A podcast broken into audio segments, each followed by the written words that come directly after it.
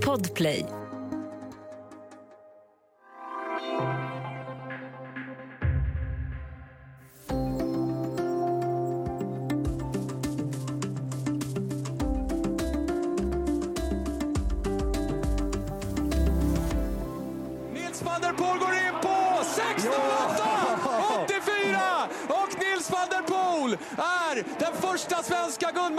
I skridsko sen Thomas Gustafsson 1988.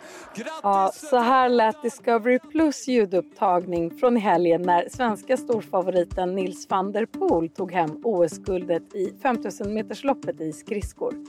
Längs med banan i Peking stod förstås pressfotograferna uppradade för att föreviga ögonblicket för alla oss som inte är där. Men vad är det viktigaste att tänka på för en sportfotograf under de där actionfyllda sekunderna? Och hur fungerar sportvärldens bildberättande i den mer vardagsnära reportageformen? Välkommen till Studio DN med mig Ylke Holago.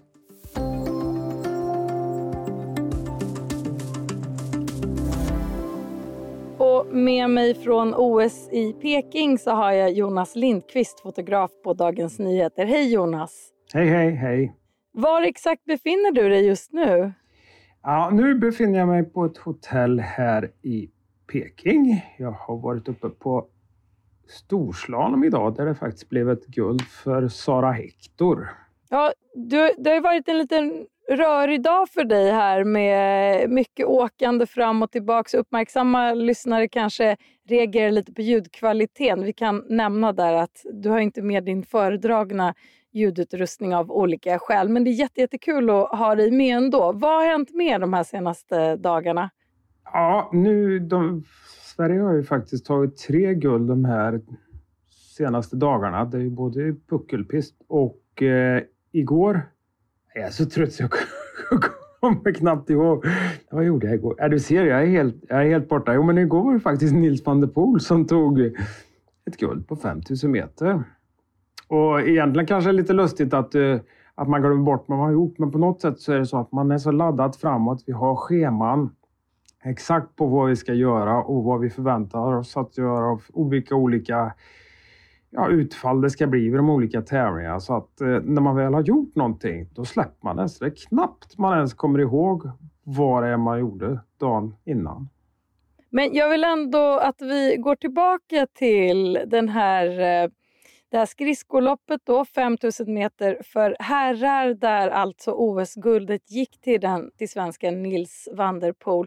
Hur var stämningen? Ja, det är ju pandemi som vi alla vet och det är väldigt mycket begränsningar så tyvärr är det i princip ingen publik utan det, det är ju lite tränare och lite olika från förbund och sånt där men det är minimalt med publik.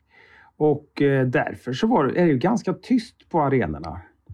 Eh, just för Nils, han var ju storfavorit så att det var ju ingen eh, Det var en jätteskräll att han skulle vinna. Men det är klart att det är alltid lite nervöst och det är ju många som vill prestera på ett sånt här mästerskap. Så att det är ju alltid lite nervositet när det kommer fram mot de här att finalerna ska avgöras och medaljerna ska delas ut. Och på något sätt så um, brukar jag tänka att ja, här är det människor som har kanske kämpat hela sitt liv.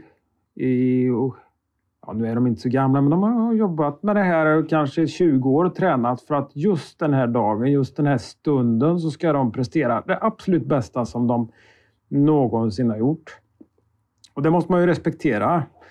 Det kan man göra på olika sätt. Bland annat så tycker jag att man som, vi som jobbar med detta ska respektera och se till att vi också är extremt förberedda på det sätt som vi kan förbereda oss på och har träffat. De Hur är det då? Hur förbereder du dig? Ja, men mycket, jag gillar ju att träffa de här idrottarna. Som fotograf är det ju ett, ett, en väldigt bra genväg till att ta bra sportbilder. Det är ju att gå på träningar. För att alla atleter de tränar ju på det absolut svåraste som finns inom deras sport. Det gör de ju gång på gång på gång på gång. Lär sig att bli optimala. Om det är en höjdhoppare så är det givetvis på att passera ribban i ansats och olika sådana saker. Och så genom att du besöker de här många gånger så lär du dig var de här viktiga momenten kommer att vara. Och eh, nu har jag haft förmånen att jobba mycket med sport de senaste ja, 25 åren. Så att det är inte så många sporter som jag inte har varit på. Men om man skulle gått på någon helt ny, då, då gäller det verkligen att man funderar på vad är, vad är den absolut viktigaste delen i, i den här sporten? Vad är det som, ja, essensen i den? Så det är ett sätt att man som, som eh, vi som journalister ska kunna, vi ska veta vad det är det här handlar om. Och eh, just på DN så, så reser vi ganska mycket ut och hälsar på idrottarna i deras vardag. Skapar oss en eh, bra kunskap om vad det handlar om. Vi ska prata lite mer om det alldeles strax. Men eh, om vi håller oss kvar i det här 5000 meters eh, loppet i skridskor i söndags. Du var alltså på plats, du bevakade storfavoriten Nils van der Poel och så vann han och så skulle han ta sitt ärevarv och då kom han fram och tog din kamera. Det här har ju blivit lite uppmärksammat. Vad var det som hände där egentligen? Ja, en ganska snabb sammanfattning om vad som hände där. Och eh, jag undrar om, om Nils skulle hålla med om den, den där sammanfattningen. Han är ju verkligen en människa som planerar och gör upp minutiösa scheman för hur, hur han ska genomföra det här på ett optimalt sätt. Som fotograf så, så jag har ju varit på, på skridsko ett antal gånger tidigare, men just den här gången så tänkte jag att jag, det handlar ju väldigt mycket om, ska han liksom Ska han ta den här guldmedaljen och då, då placerar jag mig på ett sätt så att dels jag ska kunna ta några bilder, bra bilder under själva loppet. Men det blir också väldigt viktigt med själva jublet runt, alltså när han väl har ta, uh, gjort sin prestation. Därför eh, ställde jag mig ungefär 75 meter efter mållinjen. Där han liksom, det går så fort för honom så det är först där någonstans som han reagerar och räcker upp händerna och det händer något. Han gick i mål först och fotograferade direkt och sen kom han in på ett andra, andra ärevarv och då ropade jag till honom. Ropade jag Nils, Nils, jag, jag ville ju få någon bilder på honom när han kom närmare mig. Så han snedde ut till mig med händerna i luften. Och så kom jättenära och så när jag ska fotografera honom då bara ropade han Ge hit kameran, ge hit kameran. Jag tar den. Ja, ja visst, han fick ju ta min kamera och så, och så åkte han vidare själv och fotograferade med den. Och det kanske kan låta lustigt att man släpper iväg sin kamera, så här, men nu hade jag ju två andra kameror på mig också, så att det var inte min enda kamera. Sen är det ju också så att jag har träffat honom ett antal gånger, så jag vet ju, det är ju inte vem som helst som kommer fram och rycker kameran av en. Men vad, vad tog han för bilder då? Då åkte han ja, vidare på ja, sina skridskor med han din ju, kamera. han var ju väldigt glad och upp, uppspelta givetvis. Så givetvis. Han åkte fram till sina tränare. Han åkte runt och tog lite bilder på ett inneplan och lite på isen. Och tog, hans tränare stod ju där och jublade. Då åkte han ju fram och tog några bilder på dem och, eh, och så vidare. Sen när han hade gjort det ett tag så, så vinkade han lite och fick kontakt med mig. Så åkte han tillbaka och la kameran i kanten där. Jag tror att han bara tyckte det var en lite rolig grej att göra så där. Det blev något riktigt bra. Det blev några selfies där precis när jag slutade att fotografera. Och han tog över kameran och då tog han några bilder där och de, de tycker jag var några av de bästa.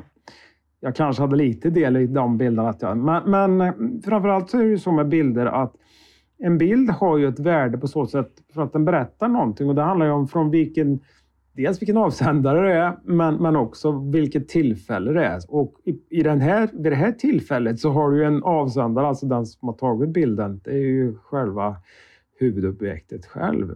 Och att han tar bilden just i den stunden när han tagit sitt första OS-guld. Alltså de två ingredienserna gör givetvis att den blir ju... Det blir bra det är bra känsla i dem så. Sen är det ju inte proffsbilder på så sätt, men det kan ju inte slå den känslan som han kan förmedla där. Eh, du var också som sagt på plats och bevakade och fotade de övriga svenska gulden under helgen. Walter Wallberg i puckelpist, Sara Hector i storslalom. Hur var det? Hur skiljer sig utförsåknings eh, sportfotografering mot skridskor som är på planmark? Vad behöver du tänka på där? Alltså, lite är det ju så att det är klart att Nils, han var ju, han var ju verkligen favorit för att vinna detta. Så att, och det är inne i en eh, uppvärmd hall. Det är väl typ 10-15 plusgrader där inne. Så det är ganska lätt och bekvämt. Man kan gå i skjorta och arbeta där inne. Eh, de åker efter en, utmär- en fast bana så det är väldigt lätt att förstå var de kommer att komma och så. Det är ju den stora skillnaden givetvis, där vi kanske tar det extrema som är puckelpisten.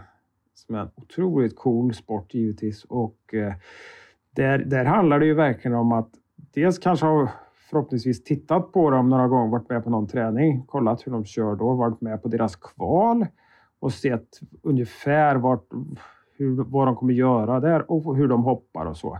Nu kan inte jag påstå att mina bilder var så otroligt mm, bra därifrån, utan det handlar väl mer om just att man försöker att fånga ett ögonblick när det är en sån en sport man hoppar och far mycket fram och tillbaks.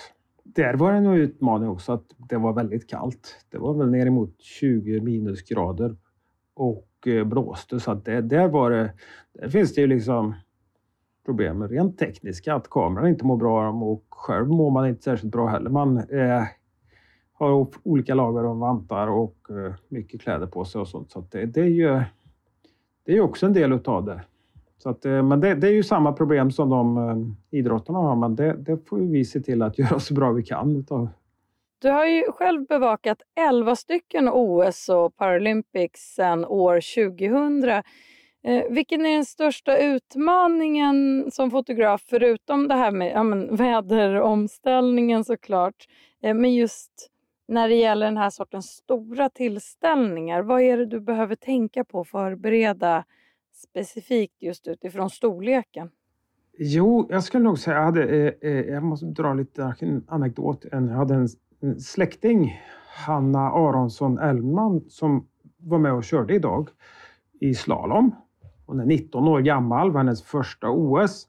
Eh, det gick jättebra i första åket, hon låg 22 och, men sen körde hon ur i andra åket.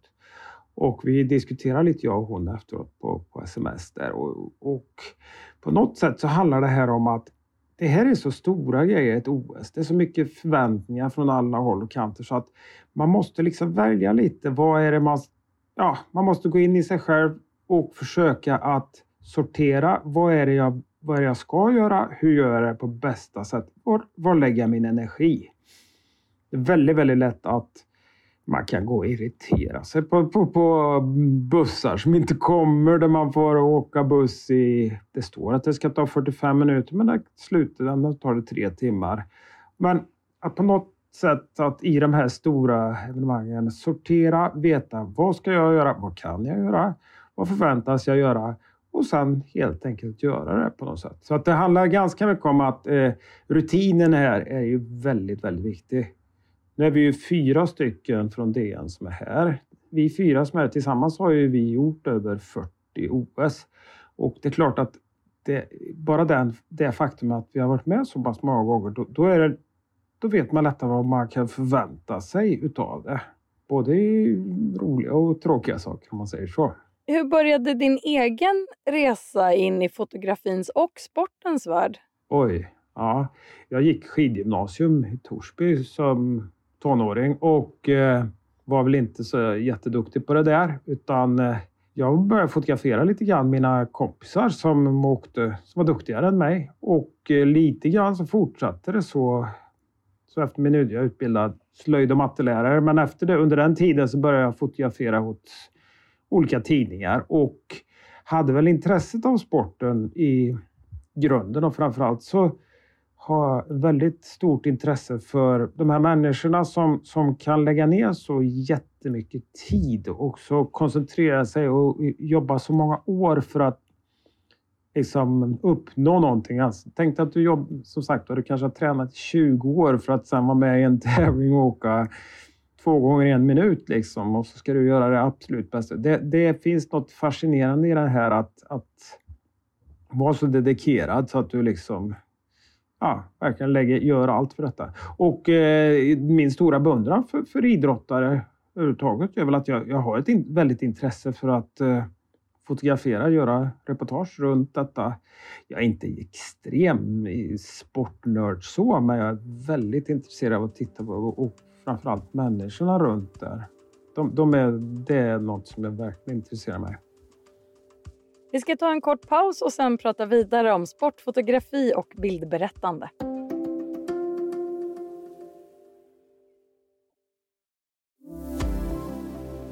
Du lyssnar på Studio DN idag om att fotografera sport.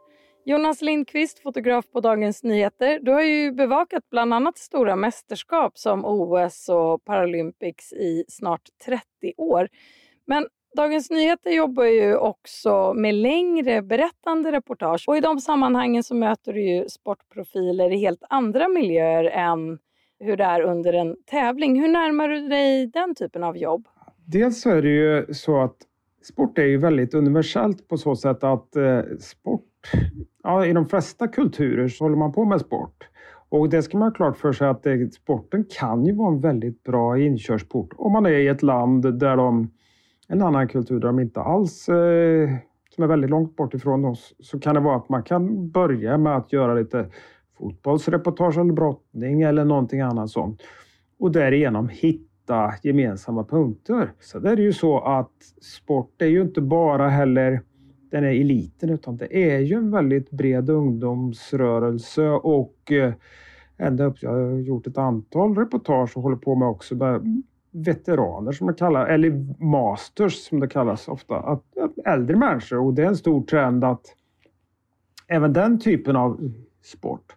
Så att jag menar, jag tror man ska bredda begreppet sport lite grann och det, det gör vi ju ganska mycket på DN-sporten. Där jag och eh, mina kollegor, vi försöker att berätta någonting mer om. Det kan vara till exempel att man någon gång följde vi skidåkaren Johan Olsson inför VM i, i Falun 2015. Då vi kanske uppe och träffade honom i 15 gånger, eller 10 gånger åtminstone. I alla fall i olika situationer. Hans hemmasituation. Hur är det att vara småbarnspappa och träna? Hur är det att eh, få åka ifrån familjen när det, barnen kanske är sjuka för att man inte vågar bli sjuk själv? Och massa, att få in andra aspekter i för att berätta någonting om det här att vara idrottare. Och eh, Vissa gånger kanske man är ute flera dagar, men ibland kanske man åker bara upp eh, en dag och, och gör ett reportage. Och det, det, här är ju någonting som eh, har blivit mer av på senare år och eh, då finns ju också möjligheten att man kan bevaka ungdomsidrott, knatteidrott. Det kan vara idrotter som inte alls är så stora och det Någonstans finns det en röd tråd i det där vad, vad, man vill försöka berätta och det ska ju vara någonting som är intressant för många människor och eh, jag tror också att det finns många likheter i det. Oavsett om du är en Vasaloppsmotionär eller en elitskidåkare så finns det väldigt många likheter i detta. Och det, det tror jag i alla fall är någonting som kan göra att det blir intressant journalistik, både bild och text. Vad försöker du eller behöver du undvika för att verkligen kunna fånga rätt känsla? Alltså vad måste du akta dig för? Ja, men alltså det, klichéer ska man alltid passa sig för. Och det är ju, jag menar, konståkning är ju enligt mig kanske en av världens eller konståkning är också fantastiskt, men nu menar jag alltså konstsim ännu vackrare. Konståkning är vackert, men konstsim är faktiskt ännu vackrare. Det gör de i vattnet. Och eh, det är ju typiskt det här att Första gången man kommer till konstsim så ser man helt fantastiskt. Liksom. De simmar upp och ner, benen i luften. Så tar man en massa bilder på när benen sticker upp i luften. Där, liksom. Wow, vilka bilder! Ja, jo, det, det, är jättefina bilder. Sen har jag kanske under 15 års tid fotograferat mycket konstsim. Och med tiden så förstod jag att det fanns ju en helt annan värld som jag inte alls hade sett i början. Så efter ett tag började jag ju simma med att vara under ytan och fotografera med undervattenskameror och sånt här. Och det är väl kanske ett ganska typiskt sätt att man, om man är med tillräckligt mycket förstår man att det finns andra dimensioner i det här som inte man ser direkt. Och eh, just det där att hitta de andra dimensionerna, det är ofta något som idrottarna själva tycker att det är rätt intressant. De är ofta väldigt nördiga i det här. Det kan vara hur många lager valla ska du ha och, eller eh, vilka kläder ska? Vilka handskar ska du kunna ha på dig? Eh, ja, men det finns så mycket detaljer i detta som, som de lägger enormt med tid på. Och kan vi liksom närma oss dem där och få dem att lite förstå att vi också är intresserade av samma sak, då, då brukar det, det brukar vara ett väldigt bra sätt att starta upp på. Vilken är den största sportfotoklyschan enligt dig? Ja, men det skulle jag nog säga att en, en sportfotoklyscha, dels så är det det att man alltid att man som fotograf, det måste vara en man och det, man måste vara stor och det måste vara jättelånga objektiv Och så ska du ta bilder på när någon räcker upp händerna för att man har gjort något bra. Och visst, det är väl det. Jag har väl själv senaste dagarna tagit ett antal jubelbilder som vi kallar dem. Det. det kan absolut vara en bra bild så. Men i stort sett så någonstans så berättar inte dig så jättemycket om vad de har gjort. Att någon springer runt och rycker upp händerna. Det kan ju vara allt från att de har eh, gjort mål i fotboll eller eh, vunnit skidåkning eller vad det än är. Så att jag tycker att man ska, man ska också försöka visa någonting mer om vad det faktiskt är de har gjort, de här idrottarna. Men hur hittar du det då? För att jag antar att eh, bildredaktörerna ändå eh, till viss del är beroende av de här jo. klassiska bilderna som, som vi alla känner igen med målgester och så. Ja, men så är det. Så är jag, Jag, som idag. Jag, jag skickar ju direkt ifrån min kamera när det, under de här under loppen och under eh, ceremonierna efter så skickar man ju, så jag skickar hem ganska många bilder. Liksom. Och visst, det är jubelbilder och allt möjligt. Men jag kan ju ändå försöka, som om, om det är en prisutdelning, då måste ju inte jag gå och ställa mig där eh, alla andra 50 fotograferna står. Utan jag kanske ställer mig en bit från sidan och ta bilden därifrån. Och eh, att, eller försök ha någon tanke med varför jag ska ta och visa den här bilden på något sätt.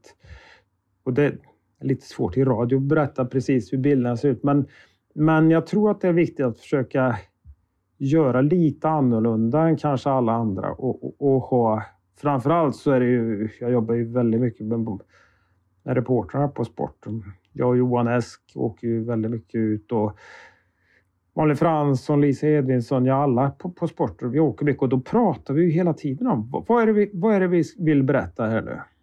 Men åker vi på, eh, jag och Johan Esk, jag vet inte hur många, vi har säkert varit på hundra skidtävlingar ihop. Liksom.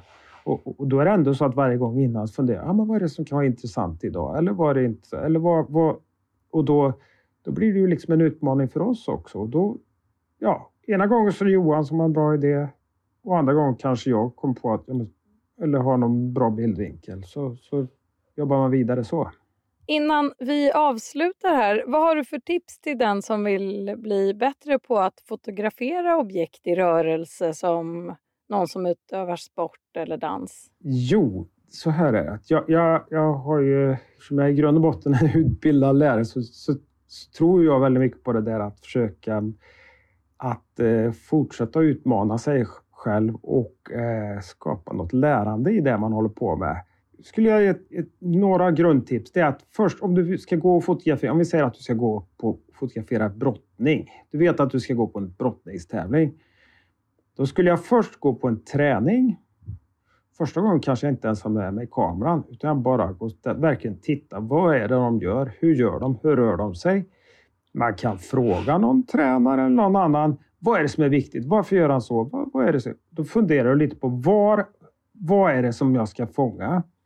Nästa sak som är väldigt viktigt det är ju var som jag som fotograf ska placera mig. Och där brukar jag försöka så att man har så lugn bakgrund som möjligt. Inte massa reklamskyltar och sånt, om du kan välja bort det.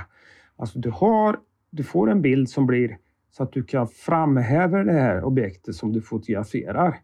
Sen ibland har, finns ju inte chansen att göra det, men har du en mörk eller jämn bakgrund, då blir det direkt mycket mycket, mycket bättre. Och sen det sista tipset som jag brukar ge när jag har workshops, det är böj på knäna, säger jag. Det är till och med så att jag ibland delar ut till deltagarna en lapp som de ska ha hängande runt halsen. På den ska det stå böj på knäna. Och böj på knäna betyder egentligen att du ska fundera på, står jag på rätt ställe? Ska, du, ska man ta allting på samma sätt, stående, rakt upp och bara rikta? Nej, du ska fundera på, ska jag ligga på marken? Ska jag stå på ett bord? Ska jag böja på knäna? Eller ska jag by För att så fort du börjar fundera på hur jag själv förhåller mig till det här objektet. Det blir helt olika bilder beroende på om du ligger ner på golvet eller står upp eh, eller till och med hänger upp i taket. Så att på något sätt måste man fundera. Vad är det jag ska fotografera? Hur beter jag mig? Och sen så går man tillbaka och tittar. Blev det som jag tänkt mig? Nej, det blir skit. Ja, varför blev det skit? Ja, men jag böjde ju inte på knäna. Jag har ju stått likadant. Jag har tagit samma bild. Det blev ingenting. Så det, det är väl några grundtips. Fundera på vad du gör och hur, hur, du vill fånga till exempel dans. Fantastisk sport eller fantastisk plåt överhuvudtaget. Men det går att göra på väldigt mycket olika sätt. Du har varit uppe och jobbat med att bevaka OS i nästan ett dygn. Du ska få gå och lägga dig nu. Vi ska avsluta den här inspelningen. Tack. Men innan vi släpper dig, bara helt kort. Vad händer härnäst på OS för din del? Efter att jo, du har sovit lite grann. Jo, efter att jag sovit så kommer jag gå raka vägen ner och ta ett PCR-test. Eh, eftersom det måste vi göra varje dag här på OS. Eh, sen kommer jag att springa iväg till bussen, åka tåget upp till bergen. Det kommer att ta en tre timmar ungefär och när jag kommer upp dit ska jag förbereda mig för imorgon är det en jättespännande tävling som eh, Sverige har stora chanser i. Det är skidornas sprinttävlingar som är verkligen en, en snabb tävling som brukar vara svår att fotografera men det brukar också hända massa olika såna oväntade saker. Så det där handlar om att jag har varit uppe och gått den banan. Man får ju inte åka banorna själv, annars så försöker jag ibland att göra det. Men man har gått banan och vet var det finns olika svåra punkter. Så att eh, får man ha en liten plan på hur det ska gå för Maja och alla våra tjejerna där uppe. Så att det, det, nej, det kommer bli spännande. Det blir alltid det med de här sprinttävlingarna. Och sen är det en massa andra grejer på gång. Då ser vi fram emot att fortsätta följa din bevakning av OS i Peking i Dagens Nyheter. Men för nu, tack så jättemycket Jonas Lindqvist, fotograf på Dagens Nyheter. Tack, tack. Om du vill kontakta oss så går det bra att mejla till studiodn dn.se och kom ihåg att prenumerera på Studio DN där du lyssnar på poddar så missar du inga avsnitt. Studio DN görs för Podplay av producent Sabina Marmulakai, ljudtekniker Patrik Miesenberger, teknik Jonas Lindskov på Bauer Media. Och jag heter Ylky Holago.